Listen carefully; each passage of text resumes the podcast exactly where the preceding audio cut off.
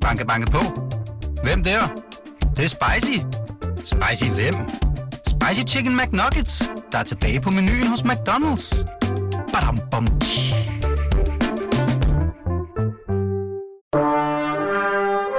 Du lytter til Radio 24 Velkommen til Poesibogen med Knud Brix. Jeg kom til verden ud på aften i hårdt snevejr. En time lang fødsel, et fint snit hen over huden, så hurtigt kunne det blive, citerer jeg gal, de få gange vi havde gæster, og jeg skulle ydmyges. I her de drak jeg to knoglede spidser. Jeg er stor. Jeg forbereder mig hver nat. Jeg falder hen i mit eget rum, et værelse jeg har haft siden fødslen, ser ud af mit vindue, en firkant af glas banket ind i væggen, og derinde falder regnen, en luft fuld af flyvende vand. Jeg ved uden at se, at Gal kigger ned af sig selv. Bare tanken, fasttømrer et grusomt billede, vivler bestyrtet hen over mine lukkede øjne. Desperat leder jeg efter den maskine, som holder Gal i gang. De ting, som indbyder Gal til at trække vejret. Et pumpende metalhjerte. I løbet af de sidste uger har små sandkorn trængt sig ind på græsset. Haven ligner en strand, når vinden står i syd. Jeg kalder Gal herud for Gal til at stå herude sammen med mig. Et sølvklart skrig fra stuen. Gal vågner i små bidder. En spænkel lyd af noget stadig levende. Over mig i advarende signaler en ørn født af luft i luften. Jeg vasker gal sår, vender og drejer som en bøf i live. Helt op med knogler, ligger gal på hver side, før jeg igen vender og drejer. Det er gult. Ørnen hænger over mig. Det er begyndt at fyge. Ørnen hænger over mig. Jeg overvejer hele tiden. Som et æg af næring svømmer tankerne i hjernen og spiser løs af næste handling. Jeg kunne rydde op, tage en skovl og skovle sand. Gal bakker ud. Inde i huset, gardiner som en mur for udsigten. Klæder og møbler stinker af gals uvaskede krop, surt i stole og lange frakker. Ørnen hænger over mig, gal sidder, ser mig gå rundt ude i haven. Regnen burde komme indtage en magt over de gule sletter, der i hastige skridt bygger sig op med hjælp fra solen. Jeg frygter en kommende ild kollektiv vil samle sig til et bål, en stor brand i alt. Alt. At redde gal ud af huset med flammer i kødet. Jeg lukker i, især øjnene, disse hudflapper ned over blikkets musling. Jeg ser ikke, men mærker gal kigge. Ser mig i sanden, gal ser mig i sanden, mens jeg skovler. Glenn Christian, hvad var det, du lige læste op af? Det var fra øh, min seneste udgivelse, øh, Månen Atlas og Sandparken Avenue. Det sidste stykke i bogen. Hvad, hvordan vil du beskrive den bog? Åh, oh, øh, ja, det er egentlig et godt spørgsmål. Jamen, øh, det er en bog, hvor det ja, mylder med en masse aktører, væsener, opdigtede liv, personer, som farer ind og ud af hinanden øh, i en eller anden verden, øh, som måske, eller som er gået under, øh, øh, som man kan sige er blevet sandet til. Der er meget sand i bogen, en ørkenlandskab, som de her væsener løber rundt i. Sådan oven i hinanden. Et po- øh, post apokalyptisk landskab. Det kan være. Ja, det er jo et meget moderne ord for tiden, men, men øh, det er det sikkert, ja. Men det er en, det er en form for, hvad skal jeg sige, undergang, eller ja. en fiktion i hvert fald. Du har jo forvirret anmelderne lidt med den. De er jo alle sammen enige om, at den er god, men de ved ikke ja, rigtig, nu... hvordan at de skal gribe om den. Øh... Er det bevidst? Nej, altså... Det, det, Nej, altså jeg ved ikke... Øh... Nej, det er ikke bevidst. Altså det ville jo være dejligt, hvis man kunne blive forstået, hvis det, det, er, den, hvis det er hensigten, men... Øh, nej, det er ikke bevidst. Jeg ved ikke rigtig, hvad jeg skal sige om det, fordi jeg kan ikke helt selv komme med sådan en fortolkning af projektet. Altså, jeg vil, ikke, jeg vil nærmest sige, at jeg ikke selv kunne, kunne konkret skrive om det. Ja. Øh, så jeg er da glad for, at jeg ikke skulle anmelde den, men det er heller ikke min opgave. Peter, Peter Stein Larsen øh, skrev i Kristelig Dagblad, ja. og han gav den 5 ud af 6 stjerner, ja. at du ligesom er en øh, kompromilløs udøver af det, han kalder hæslighedens æstetik. Ja, det var et, et sjovt. Jeg, jeg læste den godt. Det, det, det var sådan lidt en, en hæslighedens æstetik. Det, det ligger sådan i, i en helt anden tid, altså næsten en anachronisme, synes jeg, at bruge de ord. Øhm, men det er jo selvfølgelig meget positivt og sådan noget, men, men altså, jeg har arbejdet i det felt i, i en del år nu, og jeg mm. har åbenbart... Ja, det, det er ligesom et... Ja, ja, det er ikke... Altså, bevidst og bevidst, det er det jo selvfølgelig, men, men det er et rum, jeg på en eller anden måde sært nok træder ud i, når jeg begynder at arbejde med det at skrive. Så det er sådan... Det er det med, at jeg måske har en lidt iv efter at arbejde med effekter. Øhm. Hvordan ser der ud i den der hæslige verden, som du træder ind i, når du skriver? Det, jamen det ser jo ikke, altså det, det ser jo ikke særlig godt ud, men altså meget af det, jeg arbejder med, er egentlig også drømme. Altså jeg har, jeg, drømmen for mig er egentlig ret noget, der interesserer mig ret meget, og ja. det kan jo så sige, at jeg måske lider meget af mareridt og sådan, men, men det, det gør jeg egentlig, og, og de bliver åbenbart oftest transformeret ned i en form for øhm, skrift, som så senere hen litteratur af en eller anden art. Øh, så det er lidt sådan en, en slags drømmeverden, jeg på en eller anden måde, eller et mareridt, jeg på en eller anden måde prøver at transformere om til kan du, huske, kan du huske dit mareridt, når du vågner? Mange af dem kan jeg i sådan i små bidder, og der er nogle bestemte billeder, som tit desværre sådan hænger lidt fast, øh, som, ja. Hvad, hvad er det for nogle billeder? Jamen det er, ja, nu bliver man jo helt udsat for psykoanalyse her, ikke? Men, men, men det er sådan død og, og, og, og sygdom, og, og ofte sådan kroppe, der ændrer sig, øh, og kommunikationer, der på en eller anden måde ændrer sig, altså uventet, som oftest skaber en eller anden uhyggelig stemning. er du selv ligesom bange, når du vågner? Jeg kan have det specielt nogle gange i hvert fald, hvis mareridtet er meget tydeligt for mig ja, kroppe, der bliver for, forvredende og forvrænget. Ja, ja, eller oftest også, hvis der bliver sagt nogle ting, hvis, hvis, hvis sproget i drømmen er øh, uklart for mig. Okay, så der er ligesom en, en eller anden form for sprog eller en stemme, som ja, kan være uklart? Oftest, ja. Skriver du, sætter du til, når du vågner og har haft det meget? Nej, overhovedet ikke. overhovedet ikke. Jeg tror bare, det ligger og lærer i mig på en eller anden måde. Og så, så har jeg ofte nogle koncepter, nogle idéer til noget, jeg vil arbejde med, og så bliver de så på en eller anden måde, øh, så kommer de ligesom med i det, jeg skriver på en eller anden øh, tilfældig måde oftest. Men, altså... Men det vil sige, at du på en eller anden måde har en adgang til nogle af de billeder, som du har haft i din mareridt. Dem kan du skrive dig ind i? Mm, nogle gange, ja. ja. Altså med den her måned, ellers over Sandpark, der er i hvert fald nogle, sådan nogle øh, scenarier af mareridt, som jeg simpelthen har øh, øh, omformuleret til skrift og litteratur. Forsøgsvis i hvert fald. Og når du så har tappet ind i dit mareridt og på en eller anden måde omsat dem til litteratur, mm. hvad er det så, hvad er det, det, det kan, det her mareridtsbillede? Hvad kan man... Hvad... Det lyder jo sådan lidt helt... Øh, som om mit projekt er sådan helt solipsistisk, altså det er sådan, sådan udelukkende. det synes jeg er, er, nej, men, men jeg synes bare, det er ret Jamen, vildt, at du har en adgang, fordi jeg kan ikke huske mine drømme. Nej, men, men jeg ved jo også, jeg kan huske min mareridt. Ja, din mareridt. Ja, det er jo det ikke. Øhm... Og at du sådan... Altså, jeg vil forsøge at glemme dem, tror jeg. Men det virker ja. som om, at du, Jamen, det kan du går den modsatte vej. Ja, det kan jeg ikke altid. Altså, det, det, der er nogen, der er sådan ret tydelige for mig. Øh, og, og når de bevæger sig så meget i mig, så påvirker det også mine omgivelser. Øh, altså ikke sådan en til en, men så kan man jo, de kan godt sidde i en og sådan, sådan fast fastlim til kroppen, ikke, på en eller anden måde. Og så... så ja. Har du nogensinde gået til drømmetyder? Nej, det burde jeg jo faktisk. Altså, jeg er, en stor optag... jeg er meget optaget af sådan noget som psykoanalyse og drømmetydning, ja, som sagt. Og ja. det burde jeg jo selvfølgelig, men, men det, det har jeg ikke gjort op, fordi det har selvfølgelig været lidt... Et, jeg har haft et andet organ, og det er jo så... Jeg er så privilegeret, at jeg kan, jeg kan omformulere det til, til, til litteratur, og så få det ud via den vej, og så kan det så blive en bog senere hen. Det er jo glædeligt nok.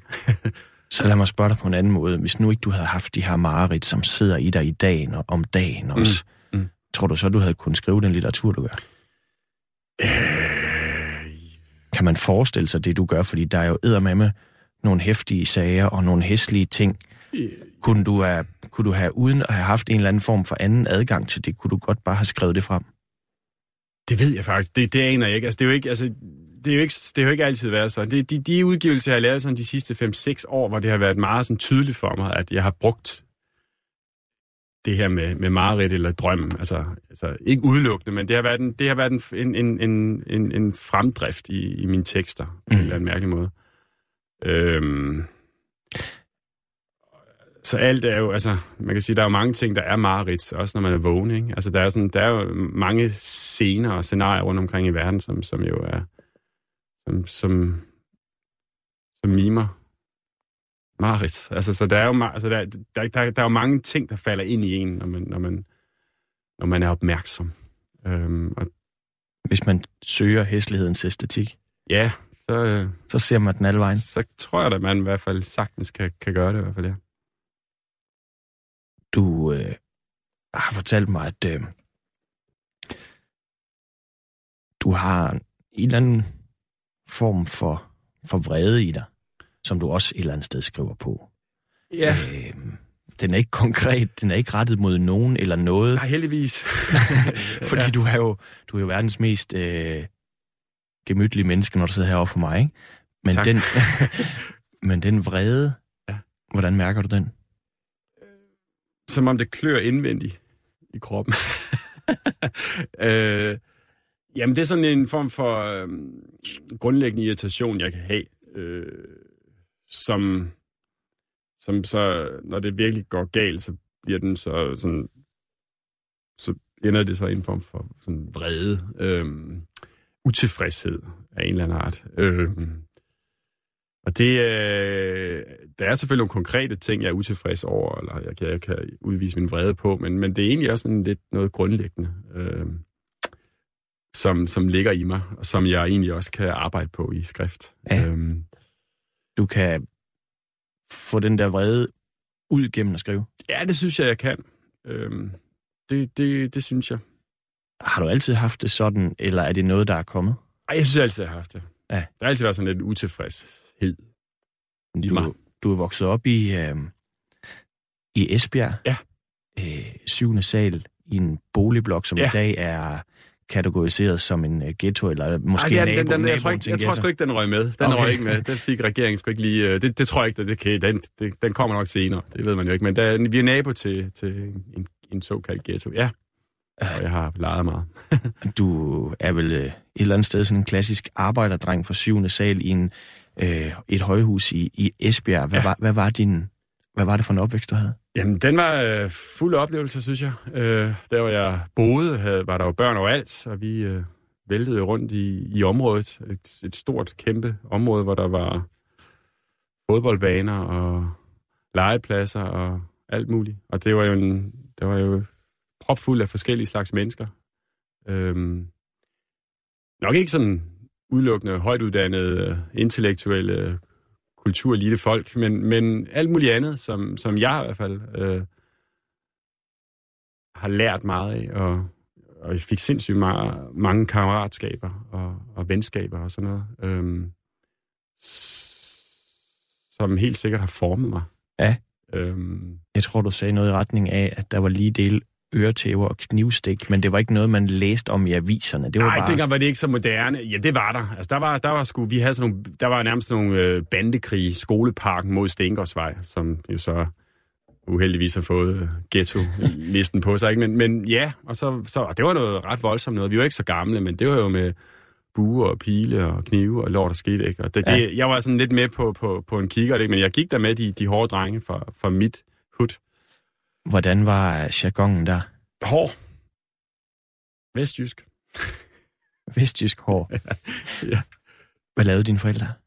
Øh, arbejder. Øh, ja. Blev der læst meget i jeres hjem? Ja, det, altså, det tror jeg alligevel lidt, der, ja, fordi, ja, altså det var sådan meget de der, øhm, du ved, Hans Kirk Ja. ja. og, og, øhm, og Leif Panduro og, og de der folk, og jeg blev faktisk, øh, altså vi var egentlig meget på biblioteket, det lo- lokale bibliotek, øhm, så, så det var slet ikke der, den var. Altså, det var Nej. ikke, at der blev sådan højstemt snakket om litteraturen øh, på den måde. Men den var der på en eller anden måde. Den var der i hvert fald via biblioteket, hvor der blev lånt nogle bøger, og da jeg blev ældre, så begyndte det jo sådan ligesom at, at, at vokse i mig. Mm. Øh, og så blev jeg sådan introduceret til nogle af de der forfattere der, som...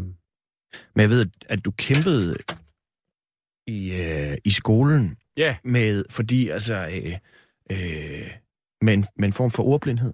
ja det tror jeg. Øh, mild ordblindhed. Ja, det tror jeg. Altså, jeg, jeg klarer mig virkelig dårligt, de der øh, skriftlige ting og sager øh, i skolen. Og jeg var ligesom rosin i pølseenden, som min sidste dansklærer altid skulle udtrykke sig i. Ja, eller sige, at jeg var. Jeg ved ikke, rosin i pølsen, det er sådan mærkeligt. Men det, det var jeg i hvert fald. Det, I starten anede jeg ikke rigtig, hvad det betød, men senere har jeg fundet ud af, det var da ikke sådan, så positivt. øh, så ja, det var ikke så heldigt.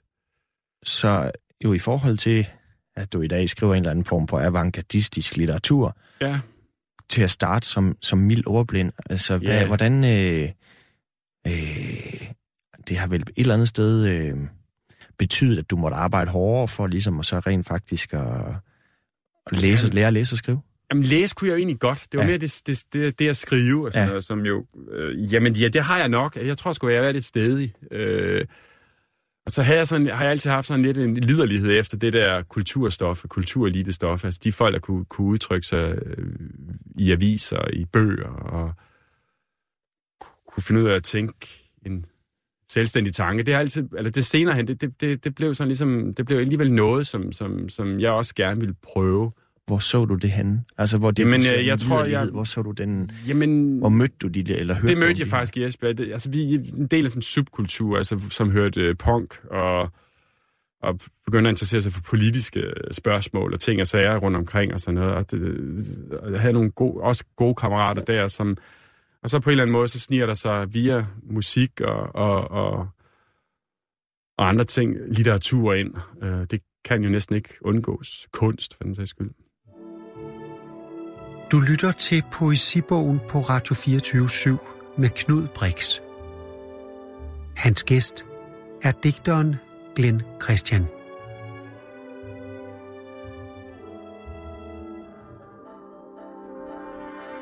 Glenn Christian, du øh, vokser op i et relativt øh, hårdt miljø i Esbjerg i en boligblok. Du har en mild ordblindhed, kæmper lidt i skolen. Du opdager kunsten og kulturen via musikken, punken, øh, nogle rødder i Esbjerg. Jeg kan huske, du fortalte mig, at især øh, Bleach-pladen, Ja, for Øh, Nirvana, ja, ja. 89. Ja, at ja. den åbnede en eller anden form for dør. Det synes jeg. Altså, jeg synes, øh, hele det der projekt Nirvana der, i 89-91, ikke? Det, der var jeg jo kun sådan, der var en 14-15 år, ikke? Altså, det var lige den der modtagelige alder, Ja. formentlig, ikke? Forvirret alder også, for mit vedkommende i hvert fald. Ja, og der, der øh, det, var, det var en musik, som, som ligesom som gik ind i mig på en eller anden måde, og ændrede nogle ting, øh, nogle opfattelser af, hvad, Var det Musik. hårdheden eller den direkthed, der er i musikken, eller var det sproget? Men det var det hele. Der var en intensitet, som, øh, som, som på en eller anden måde øh, gjorde noget for mig. Øh, og som jo stadigvæk også ligger lidt i de ting, jeg arbejder med i dag, øh, som jeg ikke rigtig kan slippe. Og Blitzpladen var jo altså sådan tekstmæssigt. De, man kunne jo læse de der tekster, de der CD-flapper der. Det, det, jeg fattede ikke en klap af, hvad der egentlig stod, men det gjorde et eller andet i forhold til, at musikken og spillet, ikke? Øhm, det ændrede eller andet øh, for mig.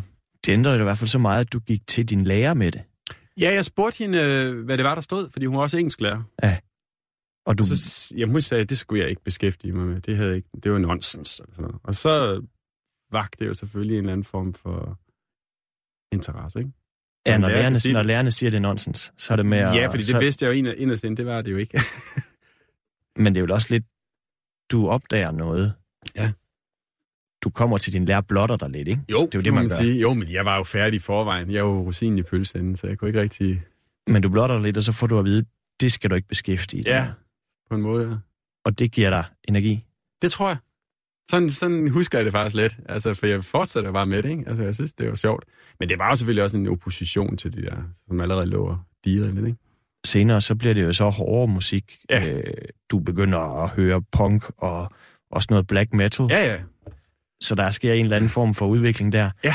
Jamen, altså, det, det, metalgenren er altid altså, det, det meget tidligt, fordi i Esbjerg, der var der nemlig et miljø for sådan noget death metal og sådan noget. Og der kom jeg også ret tidligt, allerede i 7. og 8. klasse, gik jeg til sådan nogle koncerter. Så det lå allerede... Øhm, det, det har altid ligesom været der lidt hele tiden på en eller anden måde i min, i min ungdom og sådan noget. Øhm, og det er ligesom den subkultur, der var ret fremme i min ungdom i Esbjerg også.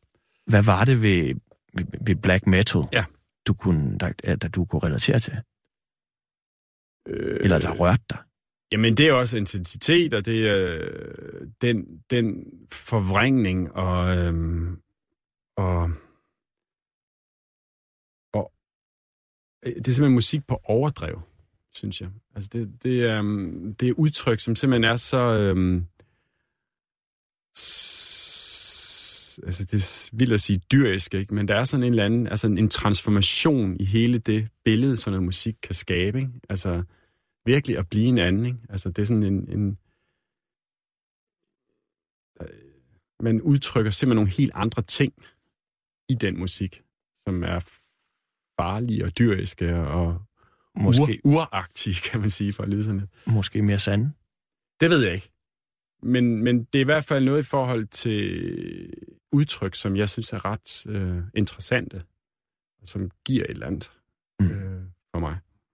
Nu er det jo nærliggende at spørge dig om det der med, at der, der er nogle dyr og groteske dyriske ting i det der black metal, om ja. Ja. du ser nogle paralleller til, øh, til den der hæslighedsæstetik, som du får via din, mar- via Ja. din mareridt. Altså, uden at skulle være lille Freud her, men altså, der er vel en eller anden sted nogle paralleller. Jo, jo. Altså, jo. Det er der. Er det den samme interesse for transformationen, som du så i black metal, som du kan se i det, når du skriver, at at selvforglemmelsen eller transformationen til Ja. noget andet? Ja, det er det jo nok. Altså, øhm, altså, der er nogle af mine udgivelser, som simpelthen er bygget meget på, på, på en bestemt form for hård musik, eller black metal musik, som jeg har lyttet til, som simpelthen har givet mig nogle billeder, øh, som har, altså, bogen Mudret Sol fra 2013, det er sådan, der, den bygger på noget meget ekstrem musik, blandt andet. Det kan jeg huske. Altså, når jeg læser den, så tænker jeg helt klart på nogle bestemte plader, øh, øh, som, som jeg har dyrket meget i den periode. Og sådan noget. Hvad var det for nogle plader? Jamen, det var noget så bizart og, og, og, og øh, klamt politisk som uh, Bursum. Uh, første, første plade Aske fra 90-91, som kommer samtidig med Nirvana, sjovt nok. Hvor, hvorfor siger du klamt? Jamen, det er jo højreorienteret. Mm. Øh, på sin vis nynazistisk, ikke? Ja. Øh, og så er vi ude i nogle kræfter, som jeg er bange for. Øh, men det er jo så også det, der skaber de der mareridtstemninger. Altså simpelthen giver mig angst. Altså den musik giver mig på sin vis angst, fordi den er så ekstrem i udtrykket. Ja. Ja. Primalskrig. Altså det er simpelthen, vi, det er en, en, en form for altså sådan et, et væsen, der simpelthen øh, vil mig noget dårligt. Men der er det jo nemt, der er det jo nemt for de politiske, det er jo lidt eller med Celine også, ikke? Altså hans Jo, jo. antisemitisme, så det er jo ligesom det, der kommer til at fylde, og det er det, man ikke må tale om, fordi det må man ikke tale om, at man kunne synes, at noget, der har en eller anden urkraft i noget nynazistisk, mm. Også kunne være fascinerende. Altså, Mm. det, du, når du kigger på mig, mm. så, så er det som om, at du, jeg vil ikke sige, du skammer dig, men det er sådan Nej. lidt, ah, det er, jo ikke, det er jo ikke så godt, det der. Nej, Men, men hvorfor er det egentlig ikke det? Fordi du finder jo en inspiration. Du, du, bliver, jo ikke, du bliver jo ikke nynazist af, at du har... det gør jeg ikke, nej. det gør jeg ikke, nej. Men hvad er det for noget med... Der, er det også fordi, der er, der er lidt noget skam over det? Ja, men altså, det, det er jo noget, der ligger i os nok, ikke? Altså, man er jo nok fascineret af den, den form for kraft. Der, altså, den, den har vi alle sammen. Jeg læste et sted i, i en fransk filosof, der Simone Weil, som også havde den form for... Altså, hun var jo et godhjertet menneske og kristen, og samtidig med, at hun også dyrkede øh, marxismen. Altså, hun mm. blandede de to poler sammen. Men hun sagde hele tiden og nævnte hele tiden, at det der med, at man, man havde ligesom næsten nazisten i sig. Ja.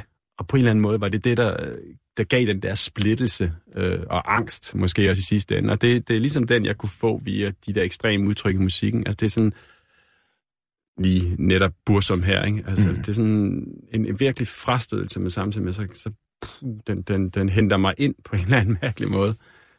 Øh, Der er, meget lidt, der er også lidt to poler i noget af det, du har sagt mig. Du sagde en liderlighed efter det sådan mere, øh, kan man sige, gængse kulturelle.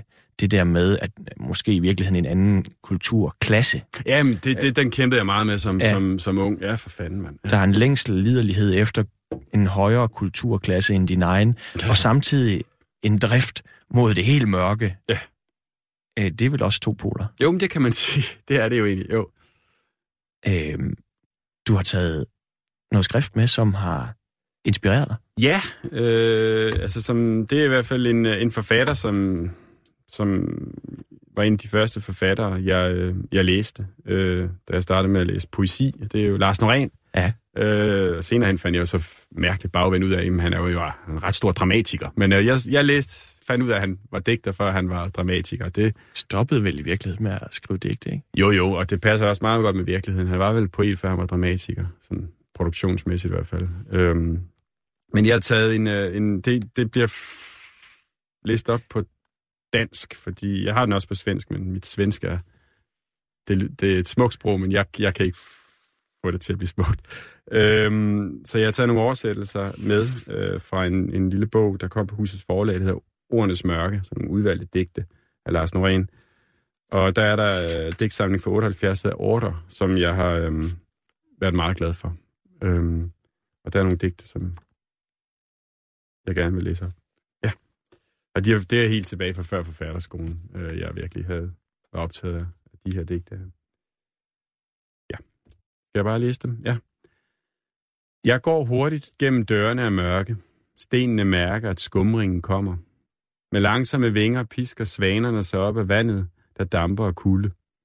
Umenneskeligt kommer hvert ord en lang vej, når det til sidst har mistet sin mening. Der bliver hurtigt koldt i mig, som i huset, når hovedsikringen springer. Der er intet menneske mere i mine digte.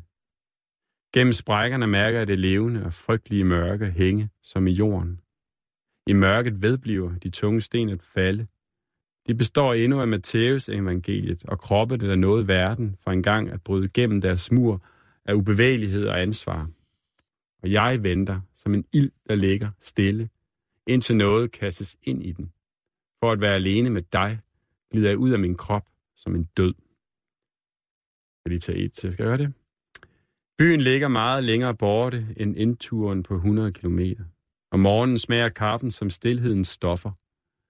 Det tager flere uger at læse tre sider i bogen. Stormen slynger fuglene langt hensides egnen. Der er en stillhed om mig lige nu, som jeg kan dele med noget skabt. Hvor du er, giver min tilstedeværelse slip. Jo dybere jeg trænger ind i dig uden ansigt, desto mere er der tilbage af mig selv. Hvor du er, slipper mit liv. Benene sparker i dødens moderliv. Stuen og kaffen er kold. Det kølige lampelys falder i den lyse tåge udenfor. Natsværmerne snapper efter den sidste luft under låget på glaskrukkerne. Tavsheden. Enkle biler, der vender tilbage ved 11-tiden om aftenen og oplyser træerne og landevejen. En solsort synger mod Østersøen. Øerne større og låste. Og lyset ligger gnistrende som en natravn på nattens tærskel.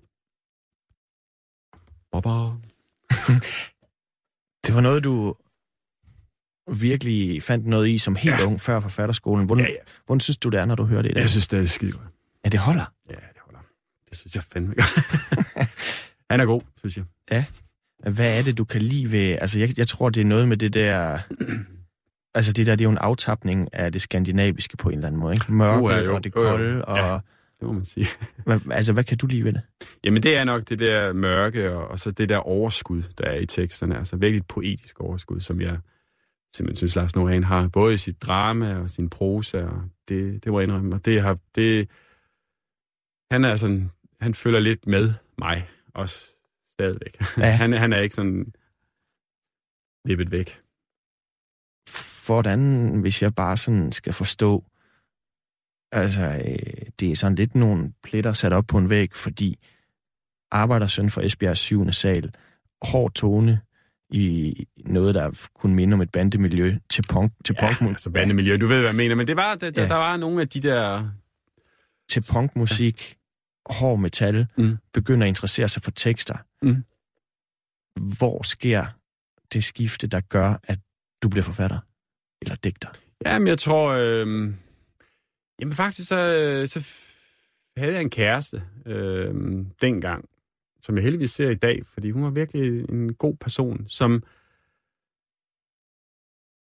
der, der interesserede jeg mig meget for litteratur, ævlede altid om den, og skulle virkelig øh, gøre mig sådan smart øh, og kunne læse alt muligt. Jeg var sådan lidt en, en, en, en kæphøj øh, digterspire, ikke? Øh, som ikke har udgivet noget. øh, men så sad jeg sådan og småskrev lidt, og, sådan, og viste hende der hele tiden. Altså, jeg tror, hun var, synes, jeg var virkelig irriterende, ikke? for jeg skal altid, ja, jeg lige høre det her, og hvad, hvad, hvad, sådan noget. Og så lige pludselig anbefalede hun mig egentlig, at jeg skulle prøve at sende ind til Vedekorn, øh, øh, tid, øh, tidsskriftet der. Øh, jeg kendte det godt, og jeg var heller ikke helt, helt ung. Jeg startede lidt sent med det hele, fordi jeg kom lidt sent ind til det. Ikke? Og så sendte jeg så, og så gik det så helvedes lang tid, før jeg fik svar fra de der redaktører, der var derinde. Der var to dengang. Og så fik jeg sgu øh, de tre digte, øh, hvad hedder det, antaget, ikke det, det hedder? Jo, og så, øh, gud, så følte jeg mig sgu da lige pludselig som, øh, altså det var ret vildt, det var sgu da egentlig vildt. Hvordan? Det var bare total optur. Altså, så var man det der, man prædikede om, man var bare ikke at have udgivet noget. Men nu havde man udgivet noget. Så det var sådan lidt, øh, det var fandme optur. Der var jeg kæp høj endnu mere. Altså, der var jeg virkelig, der kunne jeg alt i Esbjerg. Altså, ja. Der var ikke så mange digter i Esbjerg. Nej, det tror jeg ikke. Det er der sikkert. Men det ved jeg ikke. Det er ikke noget, man snakker højt om, vel? Der Hvorfor? er nogle enkelte, der, der er sikkert... Øh, men, men ellers, det er ikke noget, man snakker højt om. Hvorfor ikke? Det ved jeg ikke. Er det sådan lidt i kulturen, det ligger det i luften? Jeg. Man skal... jeg ved det faktisk ikke. Nu vil jeg ikke være fordomsfuld over for, nej, for, for, nej, nej. for, for det, jeg kommer af. Men øh, det ved jeg ikke. Altså, det... Det var bare ikke lige den første profession, der du lige Altså, i København, der ævler man jo om ikke andet. Altså, det, det er jo virkelig, de, de, de snakker løs og udtaler sig alle steder, ikke? Men det gør de ikke i Esbjerg. Det, det, det fornemmer jeg ikke i hvert fald. Det gør de i hvert fald ikke, dengang jeg boede der, men jeg tror heller ikke stadig, de, de gør det. Fra du så øh, sender de her digte ind og får dem antaget ja. og har optur over det, ja. at du bliver øh, publiceret, ja. til du så kommer på forfatterskolen. Ja. Øh, hvad gav dig mod til at søge optagelse der? Mm, det var, det var altså der, der havde jeg udgivet efterfølgende en del tekster i Vedekorn. Så var der også et godt tidsskrift dengang, der hed Apparatur. Øh, og så der fik jeg også nogle, så begyndte det ligesom, jeg begyndte øh, at få tekster ud rundt omkring, og så var man noget, ikke, synes jeg ikke, og det kørte bare ikke. Øh, og så begyndte jeg også at få nogle, øh, hvad hedder det, Jamen, så flyttede jeg til København inden der, og sådan noget, ikke? og så begyndte man jo at komme ind i et såkaldt miljø. Ja. Og så var der nogen, som, som af mine venner, bekendte, som blev optaget. Jeg tror, der var tre venner og bekendte, der blev optaget på fatterskolen i 2004. Og så tænkte jeg, nå, jeg havde ikke søgt. Jeg tænkte, nå, den mulighed, uh, de kommer ind der, det er da helt fantastisk. Sådan noget. Så var det efter, altså, det, det blev simpelthen, jeg blev simpelthen påvirket af, af de folk, ikke? Øhm, og så tænkte jeg, det, det ville jeg sgu også. Altså, fordi jeg anede heller ikke rigtig, hvad jeg ville. Altså, jeg havde ikke rigtig nogen sådan uddannelsesplaner. Jeg vidste ikke, hvad fanden, altså, hvad skulle der egentlig blive af mig? Og jeg ville jo gerne skrive de der ting, ikke? Øhm, på en eller anden måde. Og så var forfatterskolen jo fantastisk. Så man kunne få SU, og man kunne få kompetente lærere til at sige alt muligt, ikke? Så jeg søgte der, og så kom jeg ind i 2.5, og det var jo total optur. Altså, så skulle jeg hjem og sige det til min mor og far, mand. Altså, Hvad sagde de? De blev mega glade. De var min mor og far har været mega stolte, ikke? Ikke, at det blev sådan sagt. Så tydeligt gør man ikke, når man er fra Esbjerg. Men øh, jeg kunne mærke, at de var stolte det, det er sjovt, øh, Glenn, når man læser om dig inde på, øh, jeg har selvfølgelig læst, altså ud af, jeg har læst dine tekster ja. og er vild med dem, men så, så er det jo nærmest svært at finde noget rigtigt om dig, fordi ja. øh, altså du sidder jo her helt ubesværet og taler ja. om det biografiske, men jeg ved, det byder dig imod. Også meget tryg. Ja, men, men, øh, men øh, hvis man går ind på det der forfatterweb, ja, ja. så står der starter på forfatterskolen, det er der, vi er nu, ikke? Mm øh, i 2005, mm. afslutter uddannelsen i 2007. Og her stopper de biografiske detaljer om Glenn Christian. Yeah. Selvom han har udgivet 14 bøger, har han ikke givet interviews til dagbladet, og han er ikke aktiv på sociale medier. Hans bøger bliver ofte anmeldt i store dagblade, ofte positivt. Mm. Jeg synes bare, der er en diskrepans imellem, mm. at du fortæller så levende mm. om en, en synes jeg, øh, Altså, du, du jo, har jo tydeligvis været glad for din barndom, og, yeah. og har jo virkelig oplevet mange ting, men at det biografiske mm. stopper, det er ikke noget, du selv fremhæver. Mm. Hvorfor væger du dig ved det biografiske?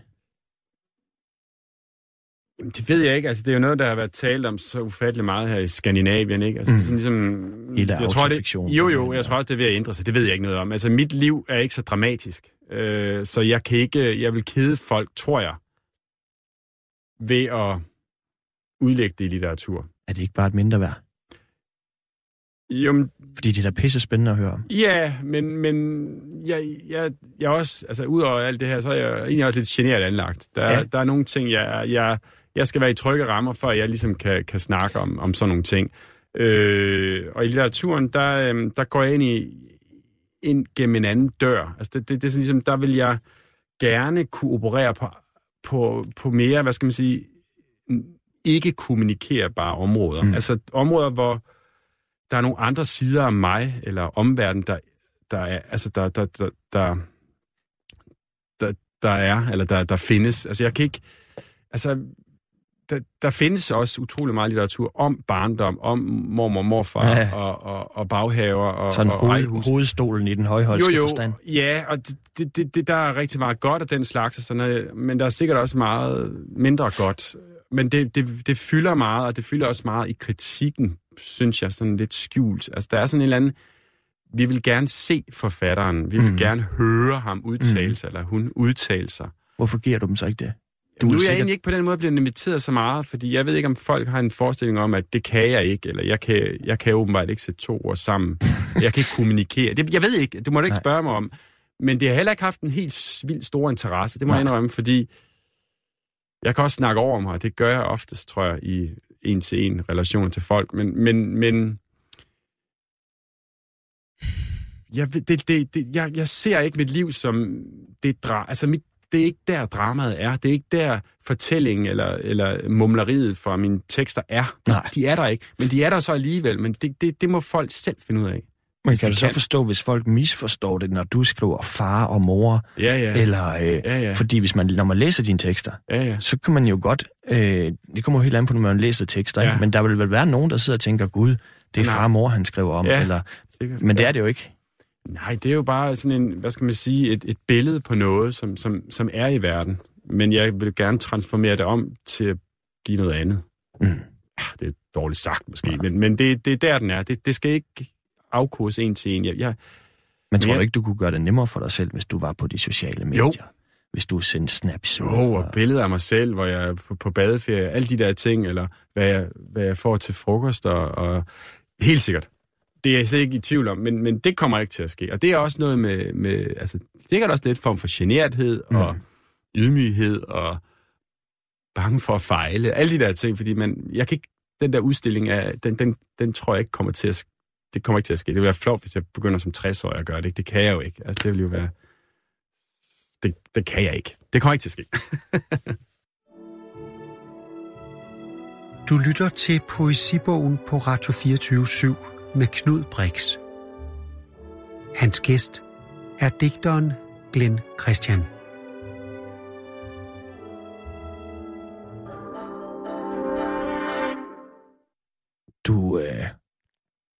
Du har talt meget om den her vrede, som du jo et eller andet sted øh, både skriver på, men, men også sådan, øh, tror jeg måske, ønsker lidt, at du kunne kontrollere. Mhm. Øh,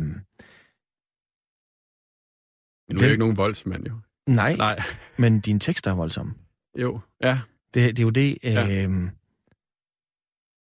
Jeg tror bare på en eller anden måde, at du, øh, altså, du anerkender den der vrede, ikke? men jeg, Jo. er den, hvem, øh, hvem, er den, hvem er den rettet imod? Er det, øh, altså fordi der er, jo, der er jo en hel skole i England, der hedder The Angry Young Men, ikke? Ja. Som, var, som var vrede over, hvad ved jeg, de sociale lag i England, hierarkierne. Ja. Betyder det noget for dig, det der med, at der er nogen i de kulturelle lag, som måske kommer helt naturligt i den der Mm. klasse, kunne man kalde det, Mm. færdes rundt i den, har gået på skoler med hinanden, og, de der, og du er øh, arbejdersønnen fra Esbjerg, Mm. som har skulle penetrere det her miljø Mm. via din skrift, og ikke en skid andet. Mm. Øh, ligger der noget vrede i det? Ja, det gør der nok, men nu, nu, nu synes jeg nu stadigvæk, at jeg er privilegeret. Altså, det er, jeg, jeg, jeg, jeg skal også passe på, hvad jeg siger. Jeg, men, men jeg er meget øhm, opmærksom på de der ting. Altså, jeg kan godt fornemme, hvis en af mine bekendte venner er opvokset i et miljø, som kender til de her koder, som kender til de her ting, som sker i det kulturelle. For det fylder jo meget. Det er en, nærmest det er jo en hel økonomi, bare uden penge, men det er, energien er den samme, ikke? Netværket. Netværk, alle de der ting. Øhm, og så kommer den der forsmåethed måske lidt, det er grimt ord, men vrede, sådan lidt, du ved, nå ja, selvfølgelig, det er derfor. Det er derfor, så, så, så går ligningen op, ikke? Ja. Og det har, det, det har jeg ikke kunne gøre på samme måde. Jeg skulle selv opfinde det. Nu lyder det sådan helt klynke-klynke, ikke? Men, Nej, men, det synes jeg ikke. øhm, Men jeg jeg forstår godt, hvad du mener. Ja. Det er jo meget, om man vil det eller ej, Ja. så er der cirkler, netværk, ja, øh, ting, der kommer Ja. til nogen, hvis man kan kommunikere. Det er Ja. lidt det samme med de Ja. sociale medier, ikke? det vil jeg tro, Hvis man er ja. god til det der, Ja. og så lige pludselig så er du alle mulige Ja. steder, ikke? Ja, sådan en Øh. like-kultur, ikke? Og, og, og, Men der, hvor jeg egentlig gerne vil hen, det Ja. ja. var jo, altså, du skriver, mm, du lever et eller andet sted af det, men det gør du jo ikke alligevel. Nej. Øhm, du kan ikke lade være med at skrive, men Nej. du, og du gør det, det gør og, og for anerkendelse, Mm. men du kan ikke leve af det. Men, men det, det er også, sige, ja, fair nok er det jo ikke, men, men det, det er jo, altså det, er- det, det er jo nok et, det er jo smalt, som man smart kalder det, jeg laver, ikke? Og det, det er heller ikke en forventning, jeg har. Øh, og det er også, men, men det, er ikke, det, det er mere den der måde, hvordan man lever med litteraturen, hvordan man omgås den, hvordan man omgås de folk, der arbejder med litteratur. Det er mere, altså, jamen det, det er sådan lidt abstrakt for mig, det her. Det, Mm. Men det, det, det, alle de der ting, der skaber vrede, hvis det er det, vi stadigvæk Ja. er inde under, på en eller anden måde. Øhm, Men du har sagt på et tidspunkt noget i retning af, at livet betyder mere for dig, end litteraturen gør. Jamen, det er sikkert noget, jeg har sagt, dengang øh, jeg blev færdig på forfatterskolen. Der havde sådan en eller anden mærkelig idé om det. Det, det, det gør den jo på... Det hænger sammen for mig mere nu. Altså, det er mere sådan fast... Altså, jeg kan ikke adskille de ting. Altså, det, det Du kan sådan, ikke adskille livet og litteraturen. Nej, det kan jeg jo ikke, og det, jeg ved ikke, jeg var lidt grøn, da jeg sagde det, og lidt forvirret sikkert øh, mere, end jeg er i dag. Øhm, men det, det hænger meget sammen, fordi jeg, jeg altså, min kæreste, hustru er billedkunstner, og hun arbejder hele tiden også, og det gør jeg også hele tiden med, så vi er i det rum hele tiden, så det, jeg kan ikke løsrive det. Altså, det kan ikke lade sig gøre. Hvad gør du så for at overleve? Jeg arbejder på en skole. Øh, to skoler. En folkeskole, og så, øh, øh, hvad hedder det, på en skriveskole, Københavns Kunstskole, og underviser. Og hvordan finder du tid, må jeg lige vil sige, til selv? Altså, du har en familie, Ja. du underviser, du, du gør en masse ting for at holde dig flydende. Jeg har Hvordan- hvor- formiddagen, og så har jeg aften, når min søn er lagt i seng. Kan du sætte dig på bestemte tidspunkter, og så fremtvinge inspiration? Ja. Min inspiration ved jeg ikke, hvad Nej, men, men du kan i hvert fald sætte dig, og så, øh, og så kommer der noget. Ja, eller så kigger jeg bare på tekster, eller så læser jeg meget. Alt hænger sammen der. Altså, det er en, et stort sådan, mm, samsurium med at læse og skrive hele tiden. Altså, når jeg har tiden. Jeg ser desværre ikke så mange mennesker, som jeg burde, fordi jeg simpelthen har, også efter at blevet familiefar, så... Øhm, men det passer mig fint. Altså, jeg ser de folk, jeg gerne vil se, selvfølgelig, ikke? Men, men det er ikke den store sociale ting, desværre. Altså, i længden nok. Altså, jeg kan godt mærke nogle gange, at jeg lige skal have lidt social input, ikke? Men ellers er det det Mm. meget sådan rutinepræget. Du læser, sk- skriver, siger du, er det en er notesbøger, eller du sidder og læser, du, du, du har en formiddag, du har en aften, Ja. så kommer tingene. At, hvad skriver du på, var jeg ved at sige? Altså notesblok? Eller Ja, jeg har sådan en lille notes for nogle ting og sager, og så, så tegner jeg også nogle gange de rum, jeg gerne vil have ind i mine tekster. Specielt jeg arbejder på nu, det er meget sådan fysiske rum, som ligesom skal tegnes frem. jeg ved ikke, hvad jeg skal. Hvordan, hvordan gør du det?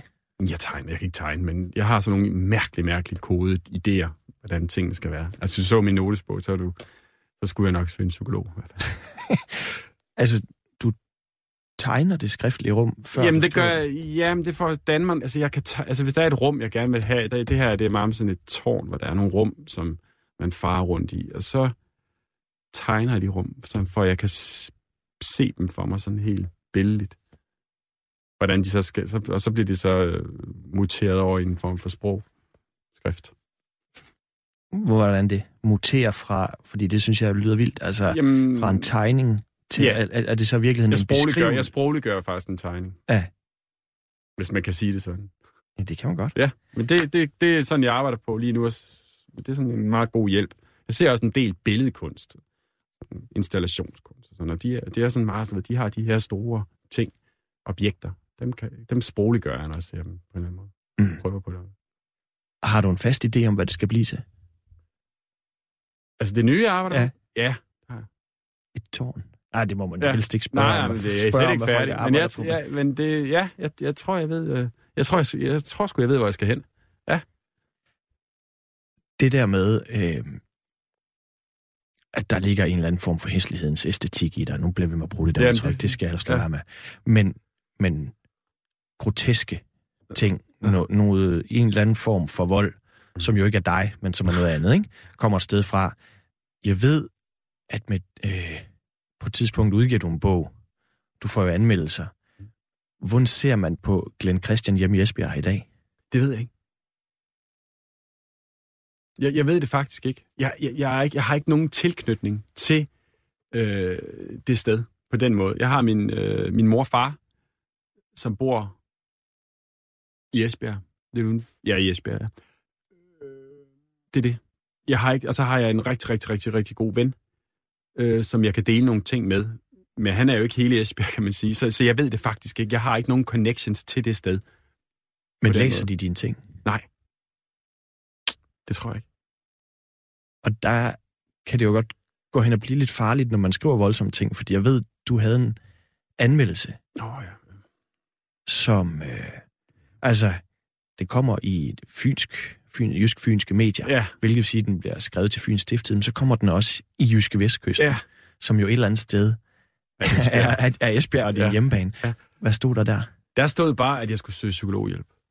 At det var simpelthen volapyk og alt det der, jeg skrev. Og det var simpelthen helt, det var, det var for vild en verden, eller hvad fanden anmelderen kritisk sagde.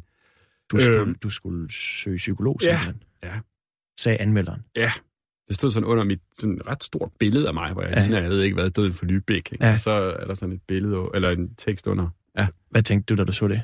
Jeg tænkte ikke så meget. Jeg tænkte, hold da op, sikkert en glat nak. Altså, undskyld, altså, hvordan, hvordan kommer man afsted med at skrive? Samtidig med også så dårligt. Altså, kritik er jo kritik. Det kan mm. jo altså, tit, oftest desværre, måske ikke være det bedste valg, men, men her var det jo helt, helt umuligt. Øhm, men så tænkte jeg egentlig ikke videre over det. Så læste jeg den Fordi højt for person- min, person- øh, min person- veninde og min kæreste, ikke? og så øh, kan man få lov til det. Og så sendte jeg lige linket til, til nogle venner, de sagde også bare, hvad fanden sker der? Hvad? Kender du ham ikke? De troede nærmest, det var et personligt øh, angreb. Og Ja, gjorde jeg- fordi fra at læse din tekst, Mm. det som du skriver til Mm. at sige, at du skal spørgsøge psykolog, Mm. Er jo også et stykke vej, skulle man Det synes. synes jeg. Ja. Det synes jeg, han har i hvert fald misforstået en del af ham anmelderen, tror jeg. Hvad sker der så? Altså, øh, læser man det ud i Esbjerg? At Ja, min mor og Christi- far gjorde jo. Ja. ja. Og min mor blev rigtig ked af det. Altså, rigtig ked af det. Ringede hun til dig? Nej, det gjorde hun ikke, fordi hun, hun, hun, hun, var, hun var jo også lidt flov over at blive ked af det, sikkert, ikke? Øh, hun var sikkert også bange for at misforstå noget. Det kan jeg virkelig også godt forstå. Men hun var ked af det, og det gjorde mig ked af det, at min mor blev ked af det. Ja. Sådan en uendelighedsregress, der ikke vil stoppe, ikke? så, øhm, men så lige pludselig, så en rigtig god ven, en forfatter, jeg kender, han skrev, det skal du fandme ikke finde dig i det her. For, Nej. for kontaktet Gyldendal og sådan noget. Ja. Så tænkte jeg, fandme ja, det er sgu etisk forkert at, at begynde at slå rundt. For det kunne jo være, at jeg havde en psykisk brist. Det kunne jo være, at min familie var tynget af et eller andet. Så han skal sgu ikke komme her. Nej. Så jeg skrev til Gyldendal og sagde, hey, det her er sgu ikke, det er sgu ikke godt nok. Det, og så var der to redaktører derinde, der, der, der, var, der hjalp mig. Ja. Han blev sikkert ikke fyret, ham, anmelderen, men han fik, han fik en, en, en påtale, det lyder så grimt, men han, han, de sendte en mail eller et eller andet til redaktionen på Fyns Destin om, at hey, tænk jer lige om næste gang. Tror du sådan noget, at nogen siger, at du bør søge psykolog på grund Mm. af det, du skriver? Vil det sidde i dig næste gang, du tager til Nej. Esbjerg eller, eller omegn? Nej, jeg, Nej. nej. nej, overhovedet ikke. Altså, jeg har snakket med min, øh, min mor om det. Ja. Så ja, Og hun er, hun er med på, at du er, at du er okay. ja, det tror jeg. Men det er jo sjovt det der, fordi det er jo der, litteraturen møder virkeligheden, ikke? Jo. Din mor, hun, hun måske tænker, hun Glenn skriver nogle ting, jeg ikke helt forstår. Ja. Og så er der så pludselig en, der læser dine ting og siger, at du skal søge psykolog. ja, fordi han heller ikke forstår det. Og så tror din mor, her er en, der har forstået det. Altså må min søn have det dårligt. Jeg tror bare, hun, hun, hun, jeg tror bare, hun tænkte på, at jeg blev ked af det. Jeg tror, kærligheden var så stor. Altså, Nå. jeg tror simpelthen, at, at, at, at det var det. Ja. Og så kunne jeg bare mærke, fuck den nar, han skal, undskyld, men Ja, det det skal okay. han simpelthen ikke have lov til. Nej. Altså, egentlig. Nej. Han skal ikke have lov til. Men så fik jeg en rigtig god anmeldelse i weekendavisen, og så sammenlignede vi den til min mor, for at ligesom sige, her er der en anmelder, der i hvert fald ikke synes jeg er gak på den måde. På, altså, så, så, jeg, det var ligesom sådan, hun skulle have det, ikke? Og så, så ja, så...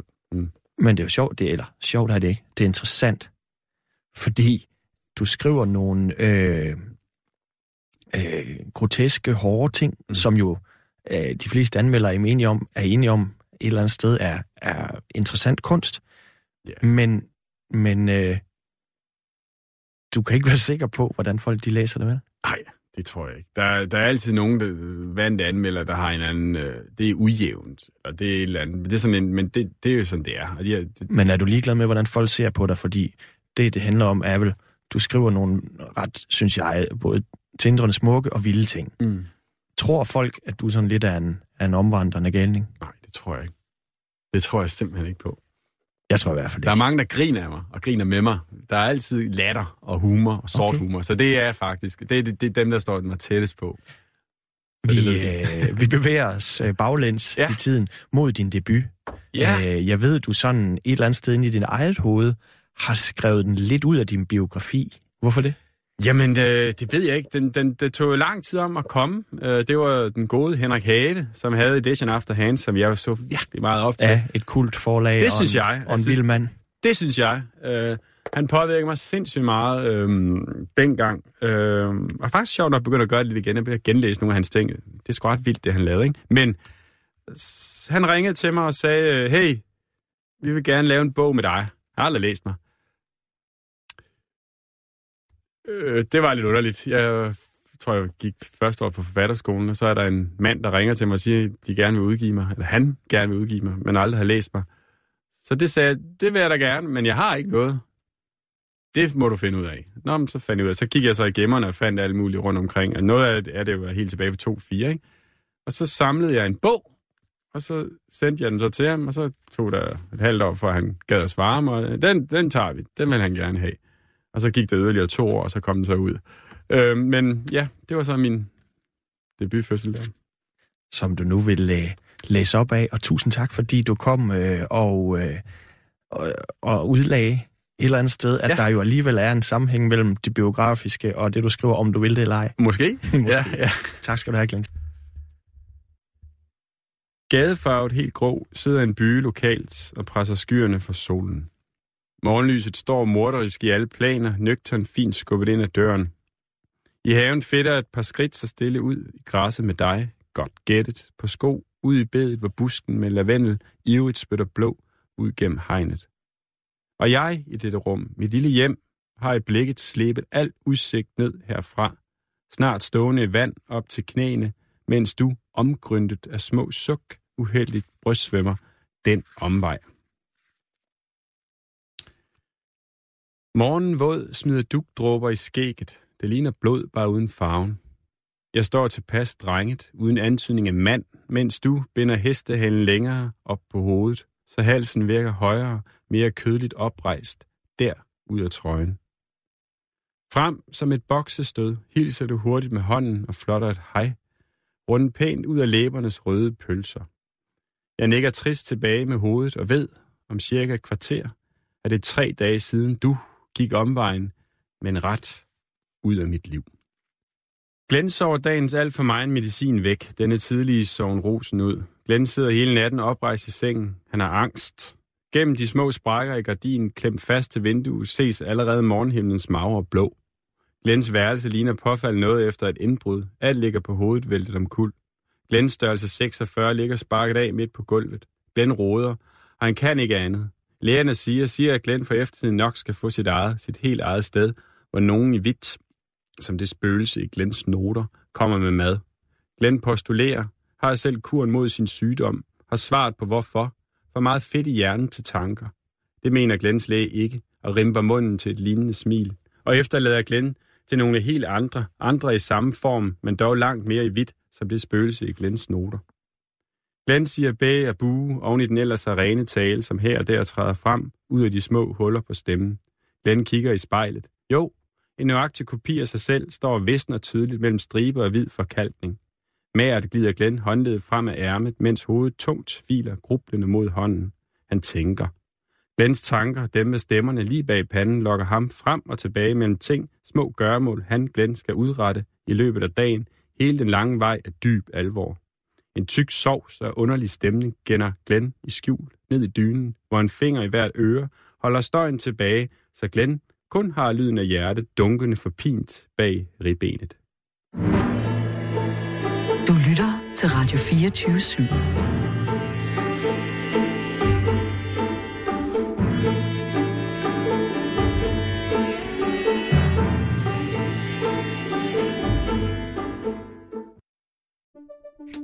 Banke, banke på.